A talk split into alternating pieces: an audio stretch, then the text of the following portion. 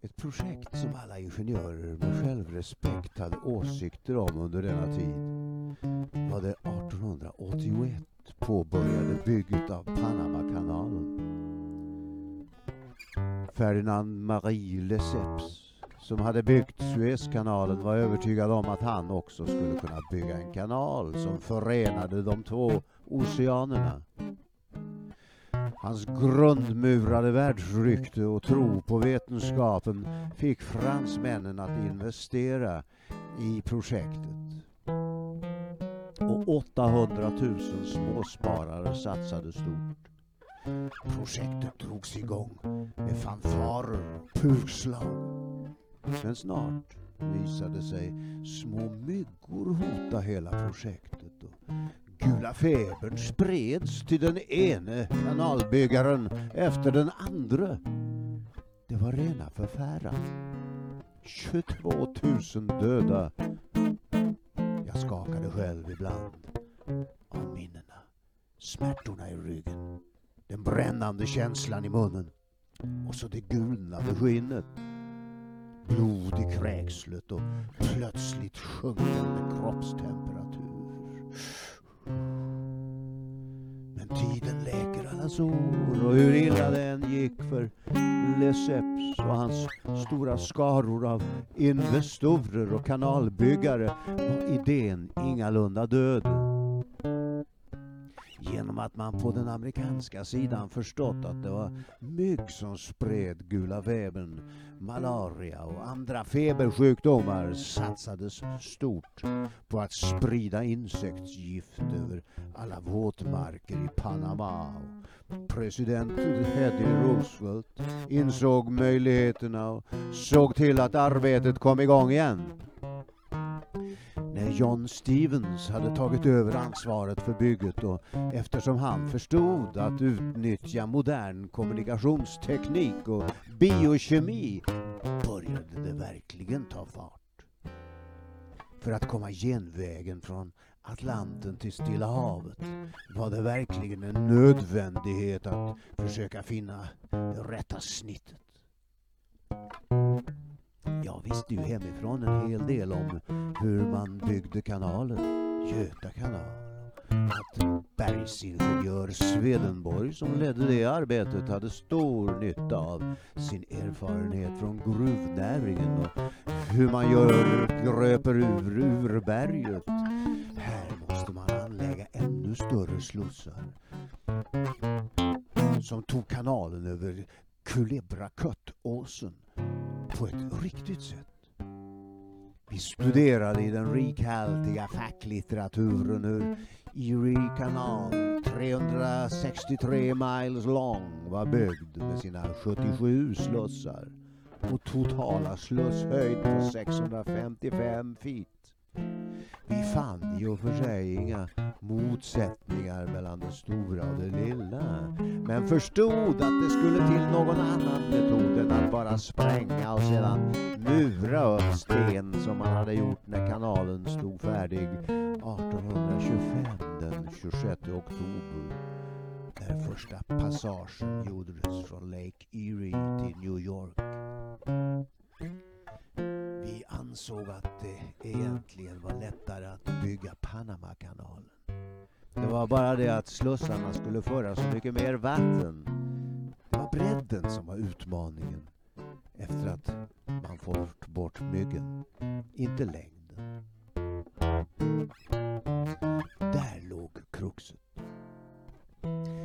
Såväl de naturvetenskapligt lagda arkitekterna som deras fantasifulla inspiratörer bland konstnärerna hade vettiga synpunkter på hur det kunde göras. Att det skulle komma att göras var det ingen som längre tvivlade på.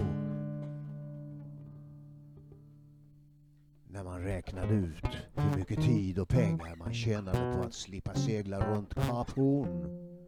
Förr eller senare skulle man finna den byggnadstekniska metoden. På Svenska klubben träffade jag en hel del, rad, en hel rad framstående emigranter från Skandinavien. Man talade om att Amundsen skulle försöka med Nordvästpassagen och om han misslyckades, ja, då skulle trycket att påskynda kanalbygget öka ännu mer. Anders Zorn var i ropet efter att han hade fått låna målaren Sam Roosevelts ateljé. Sam Roosevelt, det var presidentens bror det och inte vilken målare som helst. Och där hade han målat en läkarfru så enastående vackert att ingen kunde förneka att Andersson Anders Zorn var världens bästa målare. Anders ambitioner att bli erkänd i Amerika hade emellertid nått sin gräns. Efter att läkarfrun brutit sitt löfte till honom att hänga målningen i sin mans arbetsrum och inte visa den för någon annan än honom. Den äkta maken var själv ofrivilligt utkallad på de sju haven som skeppsläkare och eh, ville med hundraprocentig säkerhet inte dela synen av sin vackra nakna fru med några andra. Som Anders son var färdig. Målningen stod fernissad och klar kallade det unga stycket till presskonferens och visade upp bilden av sig själv. Det blev skriverier och sensationella fotografier spridda överallt i pressen. Den läkarfruns bakdel hade Anders son gjort vackrare än någon annan och den var vida överlägsen än François Boachers allra rundaste kreationer i attraktion för ett sensuellt eh, mansöga. Skämdes och kastade mig på ett brevpapper och skrev till den stackars skeppsläkaren och bad honom på mina bara konstnärsknän om tillgift för att ha stått och målat hans fru bakifrån i 38 timmar och sedan låtit halva New York se vad jag själv fått se. Bullrade den gode son. Jag svor på att jag hade förbjudit henne att visa målningen för någon annan än honom och hon hade gått med på det. Jag nämnde ju ett PS att jag nu istället ägnade mig åt karriärs och straffade mig med sammanbitna goda och framgångsrika mäns nunor och deras fruars finklänningar och hoppades att han förstod vilket straff det kunde vara för en oljemålare. Anders son hade för länge sedan kommit över sin imponering av det stora landet i väster, gav tusan i kanaler och var du och bror med den ena celebriteten efter den andra. Han hade beställningar överallt. Men jag förstod inte riktigt hur han orkade festa så mycket som han gjorde och ändå genomföra sitt skapande jobb med sådan precision. Jag har höjt priserna så radikalt att jag kan hantera mängden uppdrag och få mycken fritid. Grundforskning är fritid, sa han. Jag förstod principen, men uteslöt för egen del mer och mer festandet och ägnade mig åt sådan grundforskning som att lära mig att hålla isär olika språknyanser och vidga de finansiella vyerna och etablera kontakter på fler plan än inom skyskrapebyggande. Träffades vi inte hos gubben i Brooklyn träffades vi på Svenska klubben. Så snart vi lärt känna någon av våra vänners vänner hade vi fullt förtroende även för den nya vännen. Det var ingenting vi fäste på pränt eller ens talade om, det bara kändes så. Efter att Anders son hade lärt känna William Tower Haft och målat honom som amerikansk president var det som om man på Kapitolium började bli mer lyhörda för vad vi svenskar hade att komma med. Samarbete, laganda. Den svenske Zorn kunde hålla lysande konversationer igång under det att han målade porträttet och tala väl om sitt hemland. Mm, om sina landsmäns kvaliteter talade han också väl. Och jag undrar om det var så mycket straff egentligen att måla mäktiga män. Han kunde antagligen gå rakt på sak i de mest intrikata politiska spörsmål genom att man förstod att eh, han aldrig skulle bli något hot. Äkta konstnärer är kanske pålitligt befriade från maktlystnad och därför inviterade att samtala med furstarna och måla deras familjer som Velázquez och van Dijk. Det gällde förstås inte Churchill som både var maktlysten och målare. Drog sig tillbaka till sitt målande när han fattade de stora vilda besluten. Cigarren och whiskyn bidrog som kanon och olja till de krigiska planernas tillblivande i den hjärnan. När det gällde själva måleriet fanns det ingen bättre än Zorn. Kanske det var hans fria penselföring, sorts naturlig format och teknik med stor amplitud, med osviklig precision när han fick fram spår av sitt personliga snitt. Övren. Zorns högerarm i arbete. De fäktningslika attackerna. Axelvridningarna, lämnade de naturliga kroppsliga spåren efter sig på duken. Tjocka stråk av färg, en kraftfull lätthet. Det var något president Taft visste att uppskatta och han kunde i utbyte tala om att eh, japanernas alltså, och vissa kinesers militära intresse av den amerikanska dubbelkontinenten ingalunda fick undervärderas och att det var bättre att stämma i bäcken än i ån. Men inte göra som president Kinley väl? Och landsätta trupper i Kina. Det skapar evig ovänskap. Knappast bland affärsmännen. Det är inte alltid de som bestämmer. Det var inga boxare som propagandan kallade dem utan det var det rättvisa och harmoniska knytnävars sällskap som i enlighet med urkinesiska ideal gick till attack mot missionärer och kristna kineser särskilt. Och de gav blanka fanen i affärer. Den gången var det mycket riktigt i försvar för våra heliga kristna principer som vi landsteg och tog oss an boxarupprorets hänsynslösa hårdingar. Vi kallar även sådana där gamla österländska stridskonster för boxning. Hänsynslöst hårt. De kinesiska nationalisterna blir genom utövandet av er övermakt introverta USA-fiender och ingenting vinns i längden med vapnens makt.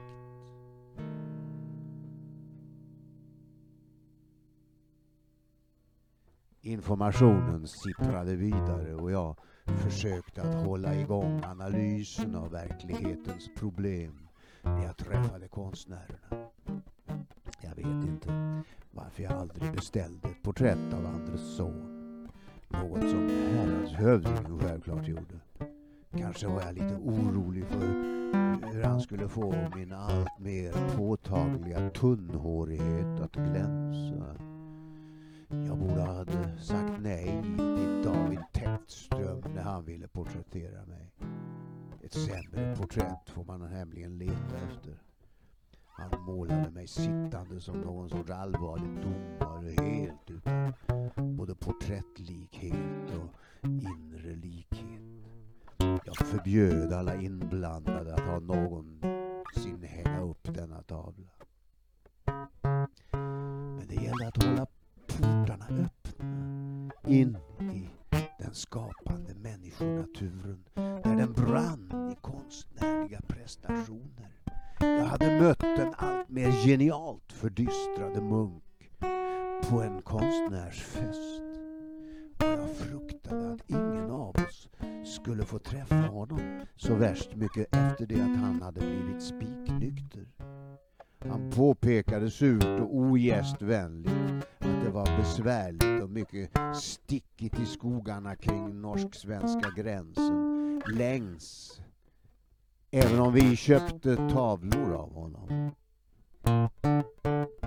Hur dyster och inträngd han än kände sig målade han helt nytt. Utan att se varken åt höger eller vänster. Han målade en sjuk flicka som han förstod vad den konstnärliga meningen med att fördela sin smärta betydde. Mer suveränt och mindre självupptaget än Josefsson när han lät sin näck spela. Detta var upphöjt och sublimt. Munks ensamhet var fritt och tydligt penslad i hans sedermera expressiva målningar. De var lika torrt kyska som Zorns var utlevd lust. Det enda jämförbara var de fria penseldragens anatomi, konstnärspersonlighetens tydliga spår.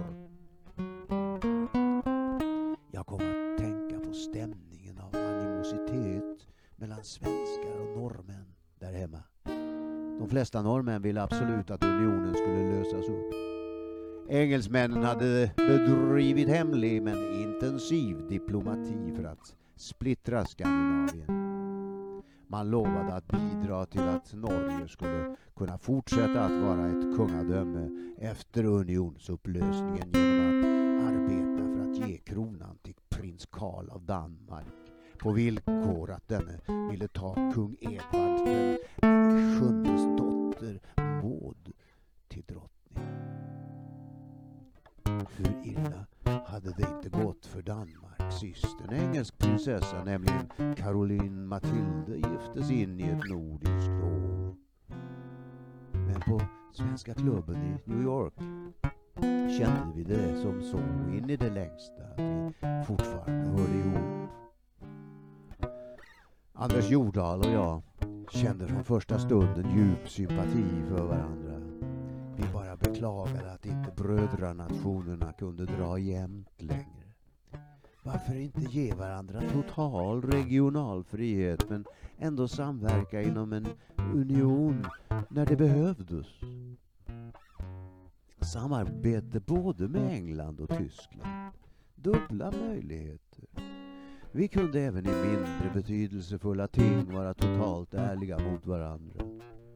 Vad skönt det var att nu kunna säga honom hur jag hade det. När jag berättade om vad, jag, vad som hade hänt efter brevet till henne så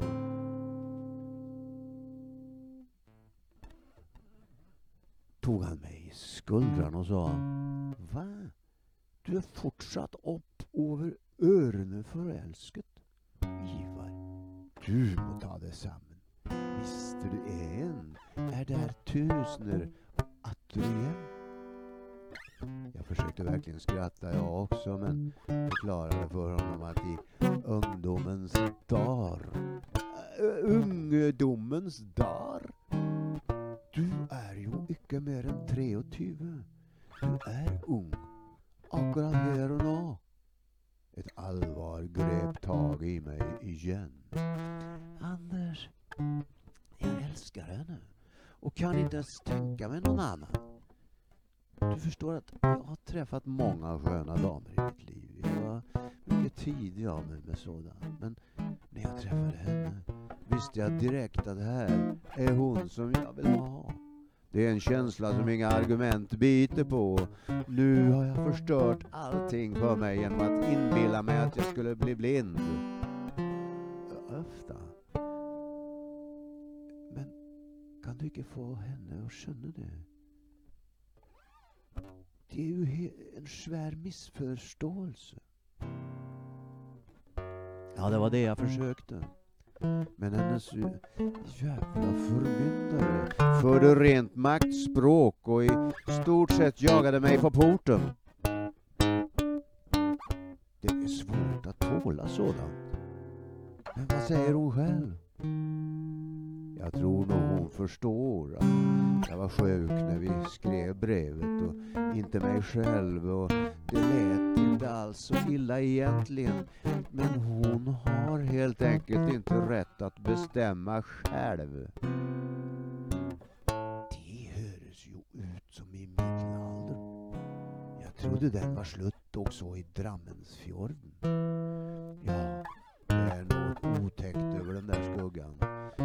Hans uppsatta hinder inte bara beror av hans girighet. Det kan være mulig at han ikke liker svensker, noe som beklageligvis ikke er helt uvanlig i Norge i disse dager. Men chastity belt og piggtråd i buksa trodde jeg hørte hjemme i en svunnen tid. Norge? De virkelig store patriotene oppe på den åsen lager et nytt språk basert på gamle ektnorske dialekter istedenfor dansk. Dem vill verkligen inte ha med varken danskar eller svenskar. Är det så viktigt att måna om en nationell identitet? Ja, det virker sånn. Och i henhold rammes svenske byggnadsingenjörer på en urättfärdig måte. Även om de är smålänningar. De som kommer från Buskerud driter i om det är smålänningar eller östskoter. Det är snack om samme svensk. Vedhandlare och lagvrängare från Dandarammen skulle alltså vara sådana. I alla fall de som vaktade likt ulvar över sina protegéer. Ja, det är nog tappt över de begränsade och inflökte nationalisterna. Jag står på unionisternas minoritetssida. Det är nog ända mer tapt över dem. Mm, tyvärr. Fortsatte att beröra detaljerna i min begynnande olycka. Ännu var olyckskänslan bara i begynnelsestadiet. Även om det kändes nog så tomt när jag tänkte att det kanske inte skulle bli hon och jag. Vad kunde jag väl annat göra än att sätta igång med ritstiftet?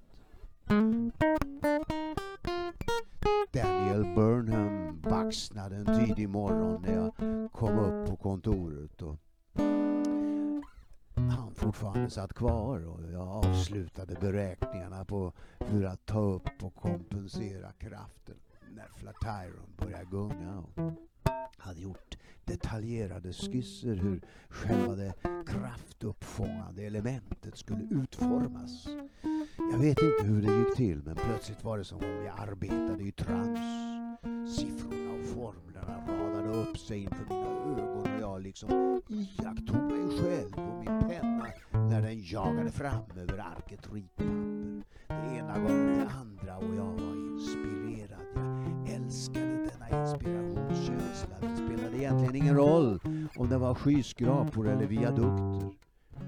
En gång var det en herre som ville ha en jaktstuga ritad och jag hittade en standardritning någonstans och gjorde små justeringar medan mannen satt och tittade på och blev det färdigt. Herregud, Mr Kryger, sa han. Det där är ju precis som jag vill ha det. Med stora fina fönster ner mot sjön. Enkelheten, du vet. Det viktiga är ju vad man ser ut från en eh, jaktstuga och inte hur den ser ut. Jag förstår. Egentligen skulle inte stugan synas alls eller åtminstone vara väl kamouflerad. En sorts beboeligt jakttorn egentligen. Inget hokus pokus utan rent praktiskt hantverk. Han fick helt enkelt titta på när jag tog fram rullens standardritning och modifierade den efter hans tycke och smak. Han ville ha skiffertak och en robust veranda ner mot dalen i sydsluttningen. Jag ritade mer i klassisk stil, i, inte sten men trä och det fanns det verkligen gott om. Han satt tyst och följde med i bana. Timmerkonstruktionen och räcken klädde jag delvis med fanerskivor i en diskret höstfärg. Jag kände doften av kåda och hörde ett avlägset brus från ett vattenfall. Diana sprängde förbi med bågen i spänn. Hennes ögon var som eldar. Jag kom in i ett kortvarigt tillstånd av synestesi. Jag skapade bilder av mina fantasier som syntes mig lika verkliga och detaljerade som verkligheten själv. Med ljud och doftsensationer och allt. Mina vänner och släktingar kallade det för tankspriddhet. Om jag något ögonblick råkade skärma av dem med dylika visioner. Mina medarbetare tystnade och såg lite osäkra ut. Jag ingav mig aldrig på att förklara utan lät dem leva i föreställningen att jag då och då var en smula tankspridd. Jag kunde lätt stänga av dessa syner som liknade drömmar med ett djupt bloss på cigaretten eller en klunk Bordeaux. Byggherren såg mycket nöjd ut och tittade gång på gång på ritningen. och kommenterade den. Han kommenterade den. Är det där en utveckling ah, från den norska ryggåsstilen? Ja, det kanske man kan säga. Och vi kom via jämförande arkitektur över på jakt och vapenspörsmål och när han skulle till att gå frågade han hur mycket jag ville ha för min ritning. Tja, du kan ju betala vad du tycker den är värd. Han tog upp en tämligen imponerande packe sedlar och sken som en sol. Och vi var bägge nöjda. Många av de amerikanska jägarna hade veritabla jaktslott och Anders son var inte så sällan på fest i något av dessa. Han var mycket självsäker och på alerten så snart han kom ut i den vilda naturen. Ordet konst kommer av att kunna, sa han. Man måste kunna sitt arbete när man kan hantera färgerna och lärt sig praktiskt hantera själva mediet kan man aktivera sin fantasi. fantasi. Det är först efter ett fyra timmars förmiddagsmåleri jag kan sluta handen kring Graal. Skål! Och dricka mig full. Det är min belöning att få fritt och uppsöka ett eh, eller själv ställa till med ett dundrande gästabud. Oljemåleriet är det mest krävande och det är därför jag tar mig ledigt redan från lunch. Med gravyrnålen kan jag däremot sitta ett helt dygn i sträck om så skulle behövas. Men eh, då kan jag till och med ha det lite trist. Så länge det är lärorikt. Jag sitter med tuschpennan, sa jag blygt. Och med den i handen lär jag mig också en del. Byggnadskonsten är kanske den äldsta konstarten, men den svåraste är oljemåleriet.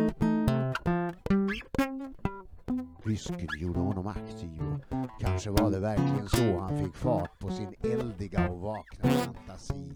Han var i alla fall så långt ifrån slumrande och vacklande som man någonsin kan komma. Trots att han i sina mest aktiva perioder höjde kalken redan till lunch.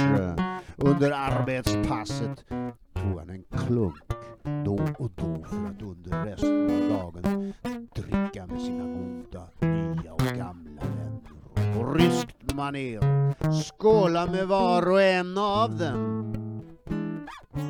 Mr Zorn kunde ställa sig i fören på en motoryacht i Lake Michigan en sommarnatt och sjunga i det där tillståndet trots att han innerst inne var lika blyg som jag. och i grunden en mycket försynt människa.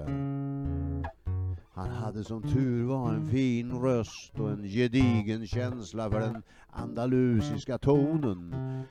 En snön och isens urinnevånare som kunde bli eldig som en spanjor som for på handklubb och hans känsliga konstnärshand gled vidare på äventyr i Tyllens och satangens världar av mjuk sensationer.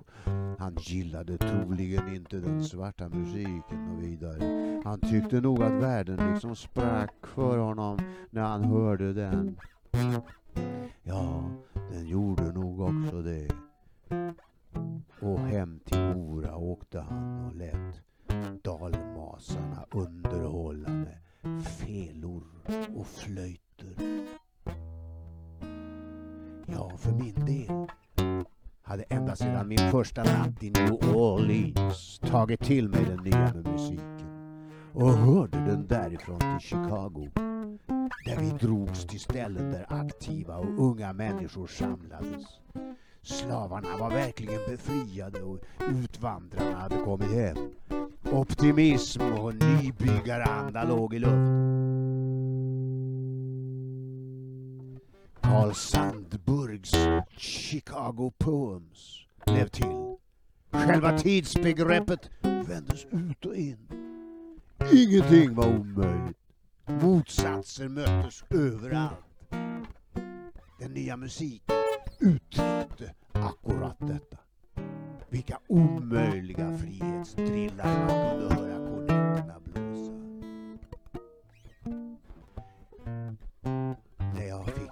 Telegram från London med ett erbjudande om att det fanns ett välbetalt ingenjörsjobb för mig åkte jag tillbaka till New York och satte mig in i projekt Hotel Carlton. Världens största hotell skulle byggas i Johannesburg och grundfundamentet skulle bli av helt oprövade dimensioner. Jag satte igång att räkna och rita. Det var ju inga nya problem egentligen. Man kunde ju utgå utifrån de beräkningar som redan fanns gällande mindre dimensioner. Det var mest det att folk i branschen var allmänt skeptiska och rädda för dimensionerna i sig. Men med de nya typerna av bärande stålbalkar hade skalorna helt enkelt förändrats. En byggmetod som det viskades om bland de initierade även i konservativa London var en gjutmetod som en viss Mr Julius Kahn höll på att utveckla. En ny typ av armering. Många av de etablerade byggarna avfärdade betonggjutningen som omöjlig och livsfarlig. De hade liksom bestämt sig på förhand trots att det inte var länge sedan de avfärdade stålkonstruktionerna som livsfarliga. Även om dessa snart visade sig vara långt säkrare än konventionella murade element. Deras tröghet baserade sig mer på känslor än på insikter. Själv gjorde jag allt större skillnad på de bägge förhållningssätten. Jag var helt enkelt tvungen att lära mig hålla isär känslor och tankar. Ett kortesiskt hugg och jag var normal. Men mitt goda minne var en bro som överbyggde denna klyfta och kanske gjorde mig ovanlig. Breven från henne blev allt färre. Jag fruktade att hennes övervakning stal mina brev jag kände en borrande förtvivlan när jag inte hörde någonting från henne på månader. Mina poster restante-adresser kanske aldrig kom fram. Kanske hon inte visste var jag befann mig. Övervakarens onda öga stirrade på mig.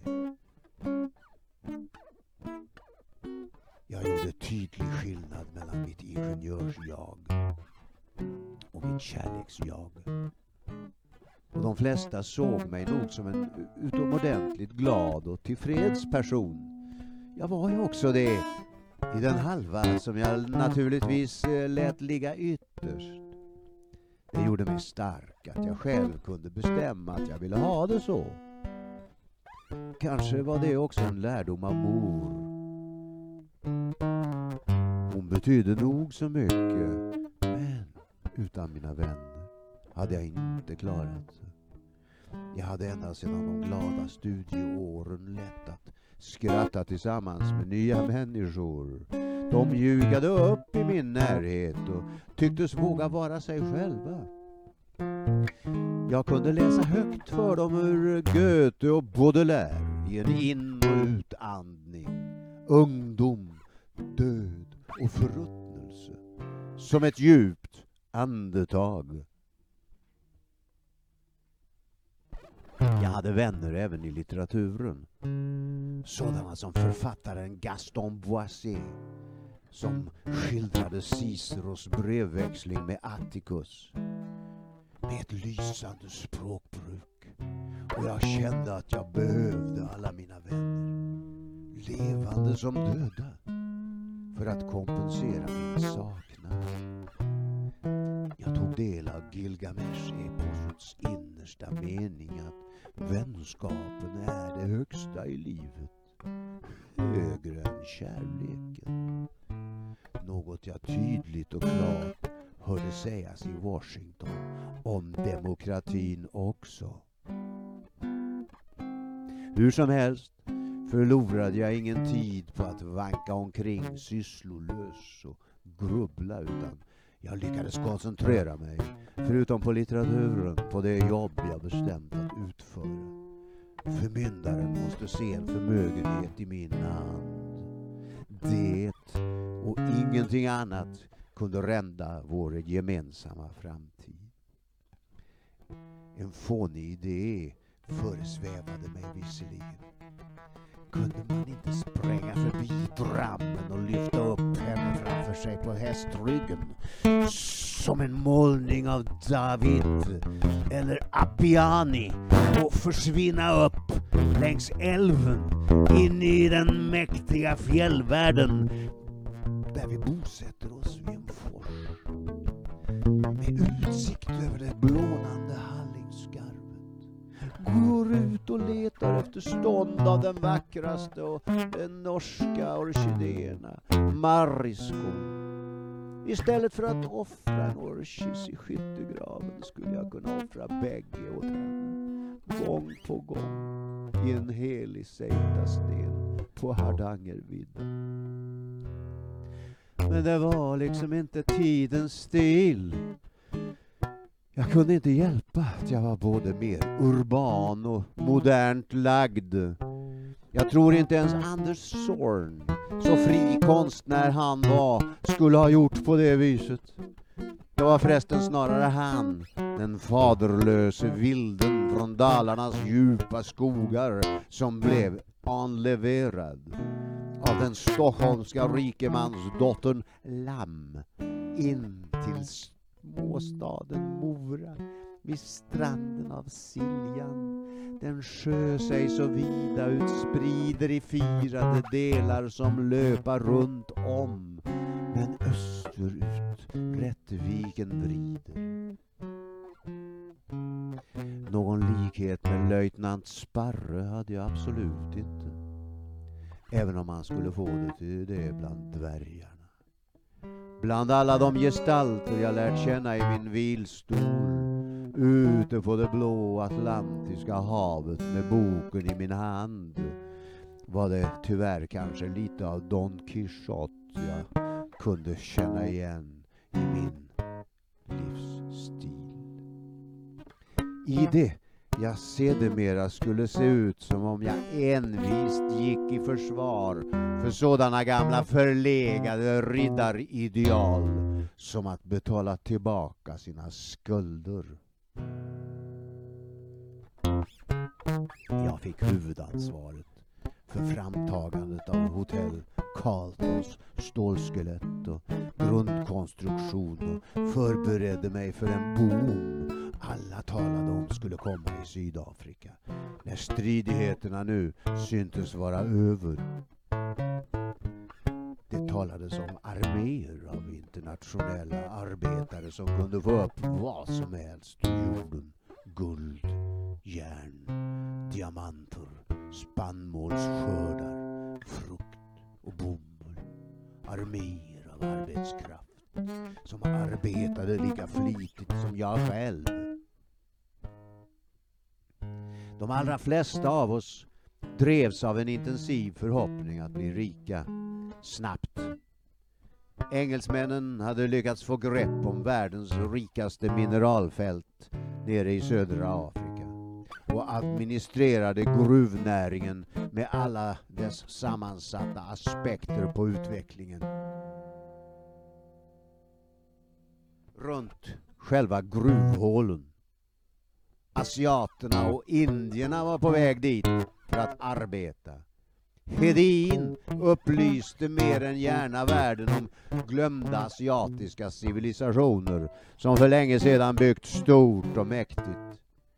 Det visade sig att deras nutida ättlingar var arbetsmyror som även de längtade efter arbete, efter att deras hemlands ekonomi förstörts av de europeiska kolonisterna. och Industrin låg helt nere. De reste världen runt för att överleva.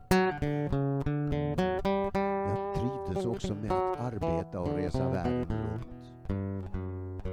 Var det egentligen någon skillnad på gruvarbetare Chi Song och Kryg-Ivar? Jag kände på min tilltagande tunnhårighet. Jag speglade mig i den glansiska glansiga mässingsplåten som fanns på kontoret och som utvisade att jag arbetade på MN Potten Company. Jag såg att jag till utseendet var väldigt olik Chi Song. Men han och jag arbetade lika flitigt. I mitt fall var arbetskapaciteten av glädje men också av det hårda faktum att förmyndaren ville se svart på vitt att jag var värd att gifta mig med henne. Men när det gällde Sang, varför arbetade han så hårt? Hur stod han ut med att arbeta så hårt under så hårda förhållanden som nere i diamantgruvorna vid världens södra ände?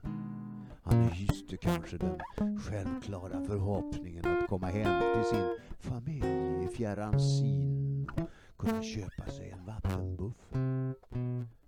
Han kunde ju också vara tvångsutskriven och såld på gruvarbetarmarknaden. Jag inbillade mig att jag för egen del arbetade mer eller mindre frivilligt. Det var spännande att vara med om att konstruera fundamentet till den största hotellbyggnaden i världen. Vi var många ingenjörer och arkitekter, metallurger, svetsare, snickare och murare från alla håll och kanter som kom tillsammans för att genomföra möjliggöra exploateringen av de stora sydafrikanska gruvorna. Hotell behövde man sannerligen här. Först kom Rhodes, Bate, Rothschild och Barnato i full pompa. Och sedan kom armén av lycksökare, europeer, asiater, indier, afrikaner som sotiga och smutsiga grävde och sprängde sig ner i marken. Det var i sanning stora skillnader mellan gruvbranschens överjordiska och underjordiska yrkeskadrer. Det fanns tydligen bland de rhodesier som ansåg att svarta människor inte var människor egentligen, utan något annat. Vovvorna tycktes anse detsamma om de diamantgalna och guldhungliga rhodesierna.